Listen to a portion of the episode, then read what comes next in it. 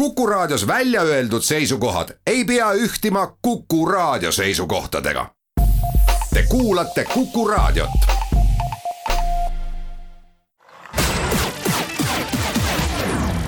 nädala Tegija. ja tere nüüd ka Nädala Tegija stuudiost. sellel nädalal asus ametisse vaktsineerimise korraldamise töörühma juht Marek Seer ja Marek Seer on meil ka Nädala Tegija stuudios, tere tulemast aitäh kutsumast, tere päevast, Kuku kuulajad! saatejuht on Ulla Lents. no Marek Seer, sellest, kui edukalt teie selle projektiga hakkama saate, sõltub ju meie kõigi tulevik, sest täna on, ma arvan, suuremale osale inimestest selge, et ainus, millele me loota saame, on vaktsiinid. vaktsiinid on vaat see võluvõti, mis võib-olla viib meid mõne aja pärast tagasi normaalse elu juurde. et eh, kas teie jaoks see oli amet või see on amet, millest või see on pakkumine, millest ei saanud keelduda või teid lihtsalt pandi fakti ette?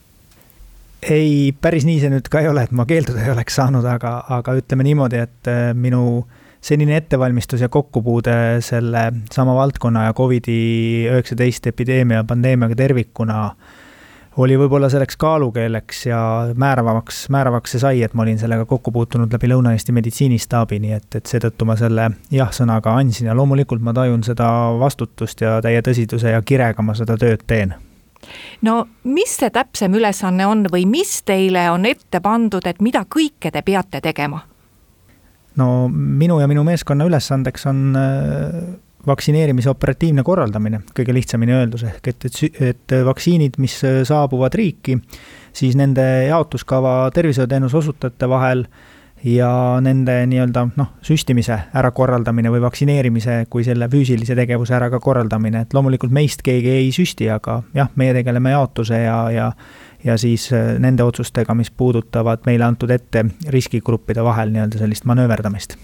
no kui suur on see töörühm või teie meeskond, kellega koos te seda teete? Äh, vahetu töögrupp on äh, kaksteist, kaksteist inimest tõenäoliselt saab olema, aga selle taga on ju terved, terved ametid, seal taga on Haigekassa, seal taga on tervise TEHIK on seal taga, seal taga on Ravimiamet, seal taga on Terviseameti inimesed, Riigikantselei inimesed omakorda veel, nii et, et, et see töö ei ole ainult ühe ega kümne inimese töö mida te arvate senisest vaktsineerimise korraldamisest, sellepärast et me oleme seda nüüd juba peaaegu neli kuud teinud? me teeme, kogu see Covid on ju unikaalne, me, ma ei tea kedagi, kes oleks puutunud kokku täna Äh, epideemia, pandeemiaga, et äh, juba see ise on selline noh, toimetamine. aga me ei oleks seal, kui need inimesed ei oleks, või me ei oleks siin, kus me praegu oleme, kui need inimesed ei oleks igapäevaselt oma tööd, tööd teinud, et et kuna tänaseks äh, on selgunud, et vaktsiinitarned loodetavasti lähevad paremaks, tarned suurenevad, et ja sihitud, sihitumalt seda asja teha, siis oli mõttekas alates nüüd hetkest äh, viia nii-öelda juhtimine kahele tasandile, kus üks on siis see töörühm või töögrupp, mis tegeleb vahetult sellise operatiivse tegevusega, see on siis minu juhtida, ja teine on siis selline strateegiline töögrupp, mis jäi ministeeriumis asekantsleri juhtida, mis vaatab siis pikaajalist vaadet, et sügisest edasi ka, sügisest edasi oleks ka plaanid tehtud ja aastaks kakskümmend, kakskümmend kaks ka tarned kokku lepitud ja vaktsineerimine jätkuks ka pärast seda, kui me oleme siin sellise operatiivse tegevusega lõpetanud no senine tegevus on saanud hästi palju kriitikat, aga nagu te ütlesite, mitte keegi meist ei ole seda olukorda mitte kunagi varem läbi elanud ja igasuguseid prognoose tehes me ju lihtsalt ei ole olnud kunagi võimelisedki mõtlema ette sellele olukorrale, mis täna on tekkinud. et noh, et kui kritiseeritakse, siis võib-olla enam mitte nii palju seda, et meil on vaktsiini vähe, vaid kritiseeritakse seda, kuidas seda on kasutatud, alates sellest, noh, kuidas meil alguses inimesed ei saanud kätte teavitusi, mis tuli eesti.ee kaudu, no siis on kritiseeritud seda, et väga paljud inimesed ei oska seal digiregistratuuris midagi teha ja hoopis vähem on hea meelt tuntud, et meil üldse on selline digiregistratuur, mille ajalugu ei ole ju väga pikk. et kui meil seda täna olemas ei oleks, siis ilmselt oleks veel raskem äh, kahtlemata asjad oleks keerulisemad, kui me ei elaks ja kui me ei oleks selline digiriik. loomulikult ei tohi unustada ka seda, et täiskasvanute massilise vaktsineerimisega me ei ole varasemalt tegelenud ja nii nagu ma oma varasemates väljaütlemistes olen öelnud, et ega meie soostumus riskigrupi ja riskigrupi puhul pean silmas siin vanemaealisid, vaktsiin, vaktsiini saada või vaktsineerimas käia ei ole just väga kõrge või ütleme nii, et, et see on peaaegu et olematu, et et gripivaktsiini puhul ka ei, me ei näe ju väga sagedasti seda, kus kuuskümmend viis pluss läheks oma perearsti juurde ja laseks ennast gripi vastu vaktsineerida. ja nüüd täna sellises olukorras, kus meil tuleb korraga äh, väga paljusid inimesi vaktsineerida ja seda tingimuses, kus vaktsiini ei ole, ei ole just äh, kõige rohkem ja need kätte saa- ja need doosid, mis Eestisse jõudsid, olid äh, suhteliselt tagasihoidlikud no tänaseks me ütleme nagu suuremamahuliselt oleme ju vaktsineerinud lapsi, aga noh, äh, seda ei ole ju vaja kõike teha ühe korraga, see on ju kindlal ajavahemikul on teada, millal siis vastsündinu saab seal oma süstid ja kui ta on natuke suuremad ja seda tööd jõuavad perearstikeskused väga hästi teha. ja kuigi paljud meist on ka täiskasvanuna ennast vaktsineerinud, ehk siis, et meil on olemas see puugivaktsiin, siis meil, äh, kui inimesed käivad reisimas, siis nad teevad erinevaid vaktsiine ja nagu te nimetasite, nimetasite, siis hooajalise gripi vastu me ka, mõned meist vaktsineerivad, aga see on ikkagi üks Euroopa Liidu väiksemaid. Just nimelt, et te väga õigesti mainisite, et mõned meist, et, et, et ka gripi suhtes ei, ei ole sellist noh, kuidas ma ütlen, soostumus just väga kõrge, minu hinnangul peaks see olema palju kõrgem, kui ta, kui ta täna on. Ja tõepoolest laste ja noorukite ja, ja, ja täiskasvanute puhul jah, see muu on olnud kõik plaaniline tegevus ja selles tingimuses, kus vaktsiinid on pikka aega turul olnud, nende kättesaadavus on kahtlemata, kahtlemata parem, kui me räägime Covid vaktsiinist, siis see on kiirelt tulnud, kõik riigid, kõik, kõik riigid tahavad seda ja nõudlus on suur ja, ja, ja nii ta on need vaktsiinid tekitavad tõesti väga palju emotsioone ja kuigi spetsialistid on korduvalt öelnud, et see, et see informatsioon ongi teinekord vastukäiv ja teinekord äh, võib-olla üks asi või üks väide lükkab teise ümber, et see antud protsessis on normaalne. sellepärast, et iga päevaga õpitakse midagi juurde, nagu õpitakse sellest koroonaviiruse olukorrast ja sellest käitumisest kogu aeg midagi juurde, nii õpitakse ja saadakse teada järjest rohkem ka vaktsiinide kohta. et äh, kui raske on võidelda sellise emotsionaalse segadusega, sest et noh, mõned inimesed suudavad seda võtta nagu külma peaga, aga mõned inimesed lähevad ikka hästi närvi. Ja kahtlemata on, on, on neid ja teisi, aga mind nagu selles mõttes ma ei lase ennast sellest väga häirida, et äh, viimane kord, kui ma sattusin äh, kuulma või lugema, et et eestlaste mm, vaktsiini, Covid vastu vaktsineerimise soostumus on üsna kõrge, et äh, seitsekümmend ja pluss protsenti, ma tahaks loota, et see, et see nii jääb ja ja see seitsekümmend kuus protsenti on see, mis, mis kindlasti paneb minu silma, mis kindlasti paneb minu silma särama, kui me, kui me selle tehtud saame. ma selles osas olen võib-olla mõõdukalt optimistlikult pessimist, et, et, et võib-olla see protsent õhtu lõpuks nii suur ei tule aga, aga väga kena oleks vaadata, et see, et ma, või loota, et ma tegelikult eksin. mis mind võib-olla natukene hirmutab selle juures, on see, et, et punkt üks, kas tarned ikka peavad ja punkt kaks, et me ei laseks ennast soojast päikesepaistest mm, nii-öelda kuidagi letargiasse lasku, et, et me, ah, ma jään sügist ootama, et ah, mis ma siin praegu ikka vaktsineerin. minu üleskutse on küll, et kui teil see võimalus on, kasutage see võimalus ära, sõltumata sellest, et kas päikese päikesekraadid on kõrged ja õhtutempera- või päevatemperatuur pluss kakskümmend viis või enam või on ta seal nulli ümber, nii et, et igal juhul minge vaktsineerima, kui teid kutsutakse. me teeme siinkohal oma jutuajamisse väikese pausi ja hetke pärast läheme edasi. Nädala Tegija nädala Tegija saade läheb edasi. stuudios on vaktsineerimise korraldamise töörühma juht Marek Seer ja vot, kui me siin sellest päikesepaistest rääkisime, siis võib-olla see eelmine suvi natuke andis meile valeinfot, sest möödunud aastal oli jah nii, et ei olnud vaktsiini aga ometi korraks me saime suvekuudeks leevendust, see nakatumine läks täitsa alla, inimesed said üritustel käia, said juba natuke reisida ja noh, siis nagu tundus, et hooaeg on see, mis tõmbab selle koroona tagasi. no täna on meil juba terve rida uusi tüvesid ja ilmselt ka suhteliselt selge arusaam, et suvehooaeg ei aita kaasa, aitab ainult vaktsiin. jah põhimõtteliselt küll, aga see, seda hinnangut on pädevamad andma viroloogid kui mina, et äh, minu ja nii nagu ma ka ennem vist ütlesin, et, et äh, ma ise olen vaktsiiniusku ja ja ütlen seda, et, et kui see võimalus tuleb, siis kindlasti vaktsineerige, et see aitab meil seda epideemiat, pandeemiat seljatada no me korraks rääkisime ka nendest asjadest, mis võib-olla inimeste, vaat just sinna massvaktsineerimisele kutsumisele, nii palju, kui seda on praegu tehtud äh, nendes vaktsineerimiskeskustes, mis nüüd äh, mõnedes, mõnedel nädalavahetustel toimusid, et äh, kui palju seal vigu tehti ja, ja kui palju võib-olla täna oskab teisiti teha, et, et kas need õppetunnid, vaat Äh, mis sealt saadi, eks ole, et kuidas inimesi kätte saada ja kuidas inimesed registreerivad, et, et mida kõike me sealt õppinud oleme, selleks, et nüüd teie saaksite oma tööd paremini teha? kahtlemata, et äh, ei tohi unustada ainult seda, et äh, me tegutsesime tollel hetkel väga piiratud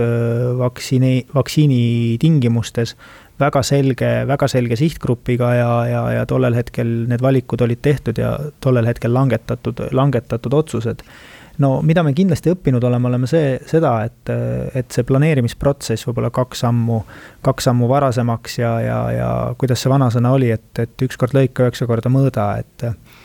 ja ma usun, et me sellest kriitilisemast punktist oleme ehk nüüd üle saamas äh,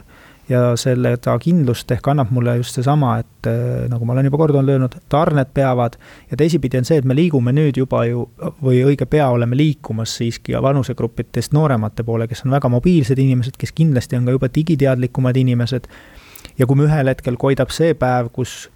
kus me võib-olla enam ei pea väga eelregistreerimisega tegelema, see on ju asi veel lihtsamaks läinud, et aga täna jah, veel, veel seda niimoodi välja hõigata ei saa, küll aga sellest käesolevast nädalast see leven-,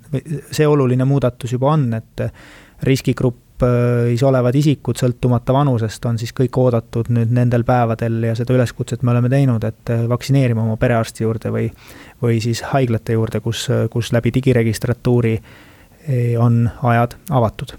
katse on ära tehtud ka sellega, et äh, kuidas läks nendes vaktsineerimiskeskustes ja ma ei mõtle nüüd nende vaktsineeritavate poole pealt, vaid selle keskuse töö korraldamisega, et äh, Tallinnas noh, kuigi segadusi tekkis, aga konkreetselt see koht, kus seda teha, see koht oli ju täitsa tipp-topp ja kuuldavasti Tartus ka jaa, need äh, kohavalikud olid õnnestunud, see töökorraldus on tänaseks läbi proovitud. Tartu Tartu minu andmetel kahekümne seitsmendal, kui ma kuupäevaga ei eksi, ma loodan, et ma ei eksi, on avamas oma keskust äh, just seetõttu, et viia läbi nii-öelda neid teise doosi vaktsineerimise, mis ta esimeses etapis, esimese doosi tegija oli piisavalt suur maht, et nüüd minna ära keskusesse tegema. jah, see, see tee on läbi käidud ja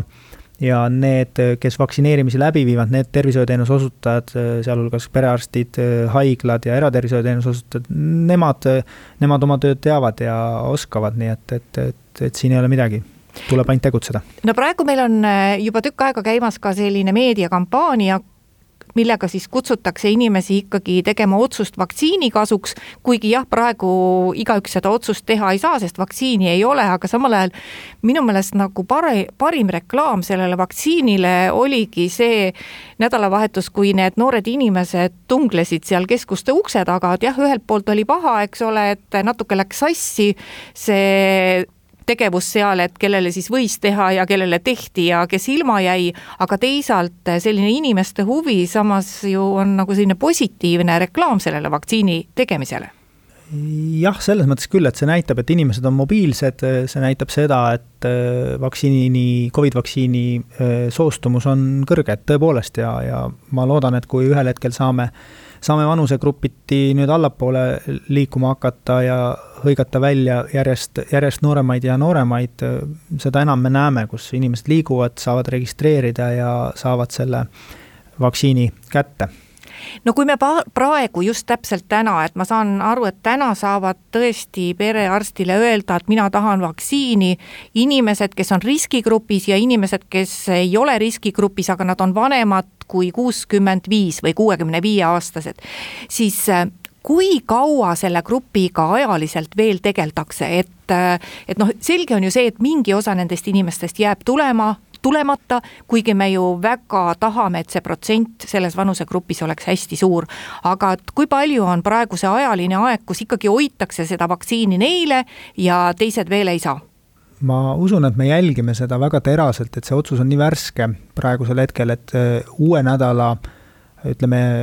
teisipäev, kolmapäev oleks võib-olla see tõehetk, mis annaks meile selle hinnangu, et kui, kui kaua me veel peaksime seda nii-öelda hoidma või või kui suure hõlmatuse me saime, et me jälgime seda põhimõtteliselt iga, iga hommiku me näeme, kui palju siis eelneval päeval on, on, on süste tehtud. et äh, väga, väga, väga pikalt ei tahaks, äh, ei tahaks nii-öelda nagu, kuidas ma ütlen, jääda siia toppama, et, äh, et tahaks sellise sammuga kindlasti edasi liikuda, et selle peale me oleme praegu nii-öelda oma plaani tegemas, et võas, nii või, nii kiiresti kui võimalik äh, liikuda järgmisesse, järgmisesse gruppi. et jah, iseenesest on küll välja öeldud, et selleks piiriks peaks olema äh, grupiti nii-öelda seitsekümmend, vähemalt seitsekümmend protsenti. et no vaatame, kuidas, kuidas läheb no vot, see seitsekümmend äh, Eesti keskmisena võib isegi tulla, aga kui vaadata nagu paikkonniti, siis, siis on kohti, kus see protsent on väga tore, aga noh, näiteks Ida-Virumaal, kui mina viimati neid numbreid vaatasin, siis nendel oli nagu hästi väike see protsent, et mis, mis teha nende paikkondadega? jaa, vastab tõele, et Ida-Virumaa ja osaliselt ka Harjumaa on käesolevaks hetkeks see murelaps just täna nii-öelda äh, riskigrupis ja vanemaealiste hulgas, et äh, loodetavasti, kuna nüüd sellel nädalal oli Moderna ja Pfizeri vaktsiiniga äh, nii-öelda sai algust tehtud ja, ja riskigruppide vanus on vabaks lastud, siis ma usun, ma väga loodan ja, ja usun ka, et, et see protsent meil tegelikult äh, paraneb. mul oli väga meeldiv kohtumine neljapäeval äh, hommikupoole päeva Ida-Viru just kohalike omavalitsusjuhti ja seal tervishoiuteenuste osutajatega ja me markeerisime sealt mõned olulised punktid, et kuidas võib-olla edasi liikuda. Ja ühe, ühe teemana nad ise ka arvasid, et ehk et see Moderna ja Pfizer võib-olla aitab nüüd, nüüd kaasa nii-öelda nagu paremale sellisele soostumusele. Me teeme siinkohal oma jutuajamisse natuke pikema pausi, et kuulata ära Kuku raadio lühiuudised ja siis räägime Marek Seeriga edasi nädala Tegija. nädala Tegija saade läheb edasi. stuudios on vaktsineerimise korraldamise töörühma juht Marek Seer. ja mis te arvate, mis selles AstraZenecast nüüd edasi saab, et Eestis on üsna selge, et need, kes on saanud sellega esimese süsti, sõltumata vanusest, sest seda on ju süstitud väga erinevas eas inimestele, et nemad oma teise süsti saavad ikkagi ka AstraZenecaga jah, täpselt nii, et kõik, kes te olete esimese süsti AstraZenecaga saanud, et narr on, väga narr oleks see pooleli jätta. kindlasti tulge ja, ja kui teie aeg on käes, et teeme selle AstraZenecaga teise süsti ka ära. praegune reegel on selline, et alla kuuekümne aastaste me ei soovita ja ja üle kuuekümne aastastele on ta jätkuvalt, jätkuvalt süstitav vaktsiin, kasutatav vaktsiin no rahva seas käib selline jutt ka, et, et noh, et äkki peaks siis ikkagi paluma, et teine süst tehtaks mingi teise vaktsiiniga. mida see tegelikult tähendaks, et kas sellist asja praktiseeritakse ja kas see tegelikult tähendaks hoopis nagu põhimõtteliselt nagu uue vaktsineerimisperioodi algust, et siis nagu see esimene süst oleks ära unustatud ja teine siis tehaksegi Pfizeri või mingi teise asjaga ja siis tuleb kolmas ka sellega või, või kuidas sellesse suhtutakse? Ma pean kahjuks tunnistama, et see, ma ei ole ise pädev sellele vastama, ma usun, et meie immunoprofülaktika komisjon kindlasti seda teemat äh, võiks ühel hetkel arutada, et mis juhtub ühel või teisel juhul, kui mingil põhjusel tuleb turule vaktsiin ja siis ühel hetkel selgub, et olukord on nii, nagu ta on, et kas ja kuidas siis edasi tegutseda, et mina kahjuks ei ole sellel, selles valdkonnas äh, nii äh, ekspert ja, ja viroloogilist teadmised ei ole, ei, ei võimalda sellist hinnangut anda aga noh, põhimõtteliselt inimene nagu seda ise ikkagi küsida ei saa, et me oleme riiklikult paika pandud, pannud reeglid ja nendest eh, lähtuvalt nagu ei saa keegi arst äkki otsustada, et ma teen nüüd eh, inimesele teise süsti millegi muu asjaga äh, praegusel hetkel oleme me ikkagi teadmise juures, et sama, sama vaktsiiniga lõpetame, alustame ja lõpetame sama vaktsiiniga. mitmel korral oleme võtnud jutuks selle, et siiamaani ei ole vaktsiinid tulnud meile niisuguses tempos, nagu me ootasime, nagu lubati. ja praegu on, ikkagi on suur ootus, et teise kvartali jooksul tuleb neid vaktsiine palju et saab selle massivaktsineerimisega alustada, samas kuni tänase päevani miski seda ei kinnita, sest sellel nädalal me saime neid jälle vähem, et kui positiivselt teie vaatate sellesse tulevikku, et need tarned ikkagi enam-vähem peaksid? Jah, see on üks suuremaid riskikohti kogu meie, kogu selles töös, mida ma oma meeskonnaga vean, et, et see on, see on meil kogu aeg nii-öelda väga suure, suure luubi all. me ise loodame, et järgmise nädala see neljakümne tuhandene tarne ikkagi peab paika ja, ja, ja see jõuab, jõuab meieni ja, ja sealt edasi need tarned sellisesse suurusjärku ka jäävad. ja oleks väga tore, kui nad ka isegi suurenevad. et see on meie väga tähe, teravdatud luubi all ja, ja, ja selles mõttes me töötame ja mõtleme ka selle peale, et mis on see plaan B ja C sellisel juhul, kui tarned peaks drastiliselt kukkuma. No kui nad ikkagi õnneks ei kuku ja see vaktsiin kõik kohale tuleb, et missugune on teie nägemus, et äh, kus kohas ja kui paljudes paikades äh, saab teha seda vaktsineerimist väljaspool perearstikeskusi, et noh, Tallinnas ja Tartus on tehtud, äh, Pärnus minu meelest on ka kuskil erakliinikutes tehtud, aga et äh, kus veel on need kohad, kus seda teha saab ja kus seda mitte mingisugusel juhul teha ei saa, sest et noh, Lõuna-Eesti on meil suhteliselt hõreda asustusega ja seal tõenäoliselt mingisuguses külas ikkagi ei ole mõtet seda, seda eraldi keskust paika panna või, või on jah, tõepoolest, et, et teie poolt nimetatud ko-, kohtadele lisaks veel juurde Ida-Viru piirkonna ja, ja, ja seal, seal ka toimetasid et nii-öelda eratervishoiuasutused. ega vaktsineerimiskeskus ei peagi tähendama alati nii-öelda nagu tennisehalli või spordisaali, et maakondades ja kõikides maakondades on meil täna ju ikkagi haiglad olemas. ja ka haigla juurdes või haigla, haigla pinnal on võimalik nii-öelda sellist Äh, ütleme niimoodi, noh, vaktsineerimist läbi viia natukene ennak-, nii-öelda noh, kiiremas, kiiremas tempos, kui on selline igapäevaplaaniline tegevus. Nojah, me oleme näinud küll telepildis on ju suuri spordihalle teistes riikides, kus inimesed käivad, aga need on ka riigid, kus inimesi on kümneid miljoneid, ilmselt äh, Eestis ka kõige suuremate vaktsiinikoguste juures sellist vajadust ei teki.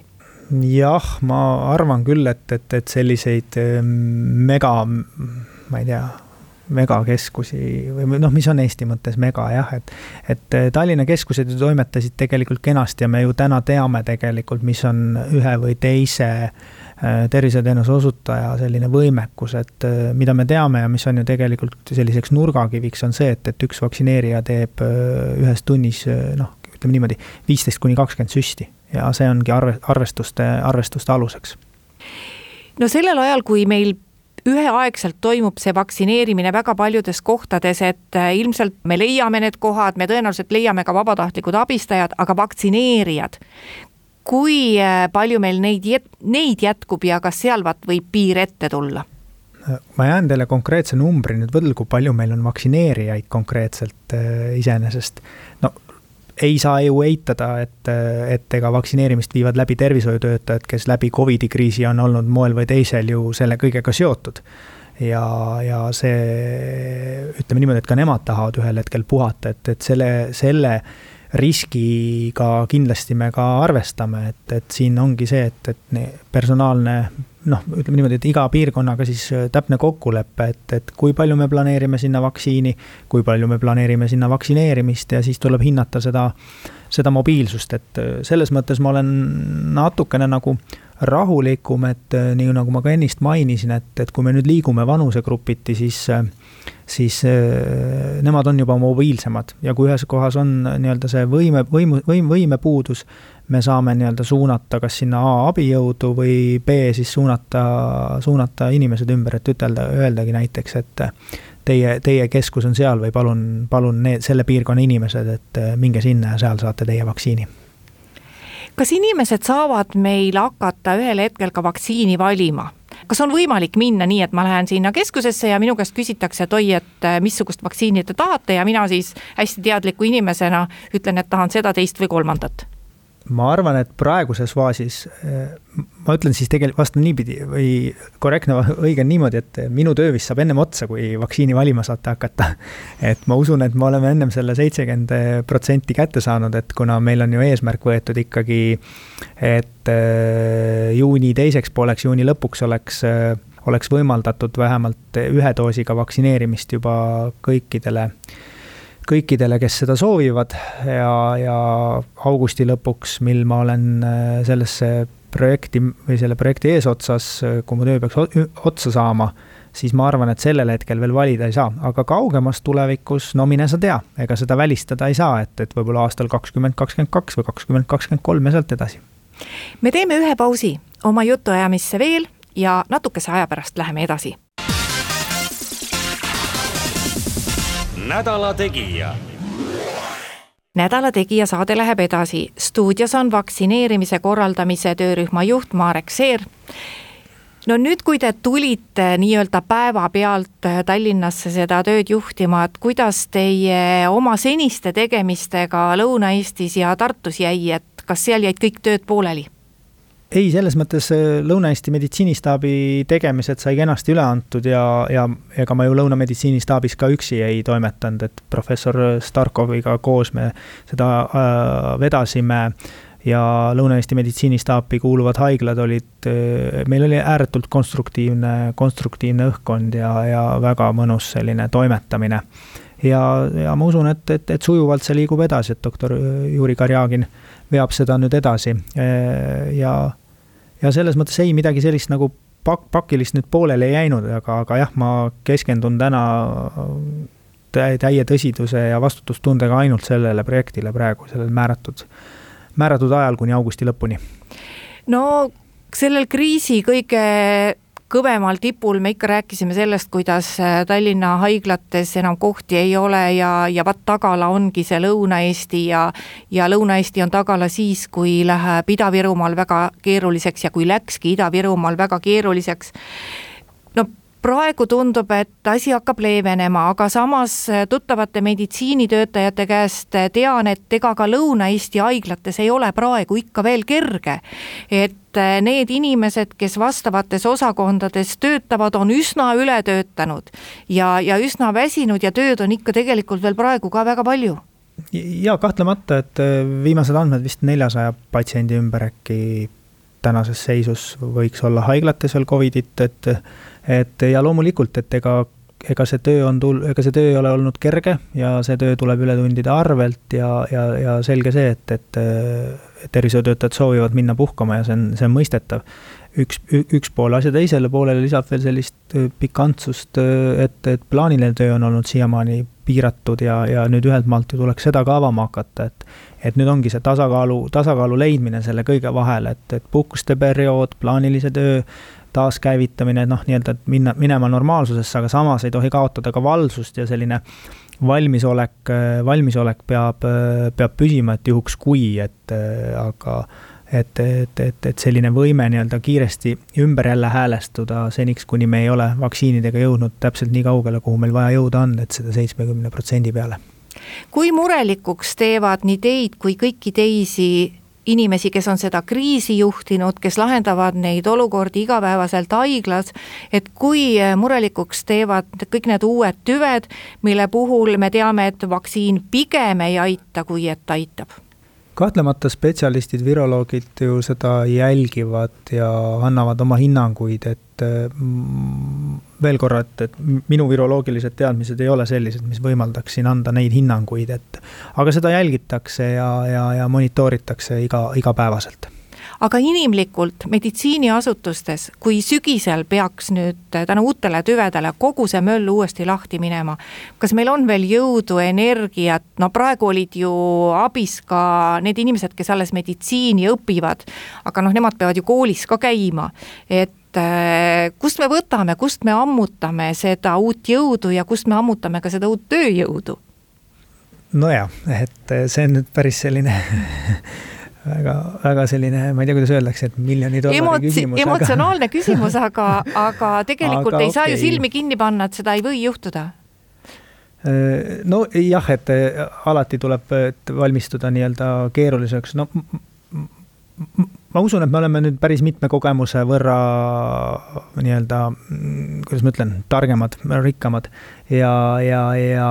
ja see oskus meil seda planeerida ja oskus leida see tasakaal äh, äh, ja ja, ja nendel hetkedel, kus on tõesti võimalik minna ja natukene nii-öelda juhe välja tõmmata seinast ja puhata ja akusid laadida, et, et kui peaks nii juhtuma, nagu te just kirjeldasite, et siis me, siis me tuginedes oma eelnevale kogemusele, mille me oleme saanud, et me suudame ennast siiski mobiliseerida. tervishoiutöötajad on siin ääretult tublid ja, ja mingitel hetkedel ikkagi võetakse, võetakse ennast kokku. loomulikult on see kõik väga keerukas ja see, see stsenaarium, mida te kirjeldasite, on kahtlemata selline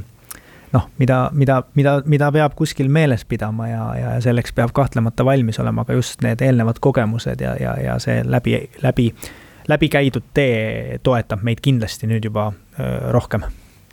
No me räägime siin nagu hüpoteetiliselt,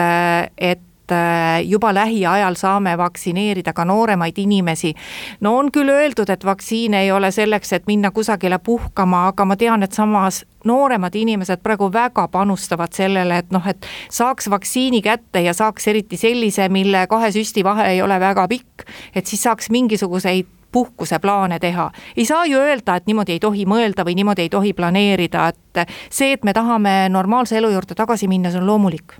hakkan tagantpoolt ettepoole, see, et me tahame normaalset elu, kuigi jah, milline see normaalne elu saab olema, et eks, eks nüüd aeg näitab seda, aga eelkõige ikkagi vaktsiin selleks, et me saaksime seljatatud äh, pandeemia, äh, epideemia ja teiseks, et me läbi selle, kui me oleme vaktsineeritud, äh, ei haigestu ise või juhul, kui haigestume, siis kergemalt, aga märksõna on ikkagi see, et, et seljatada,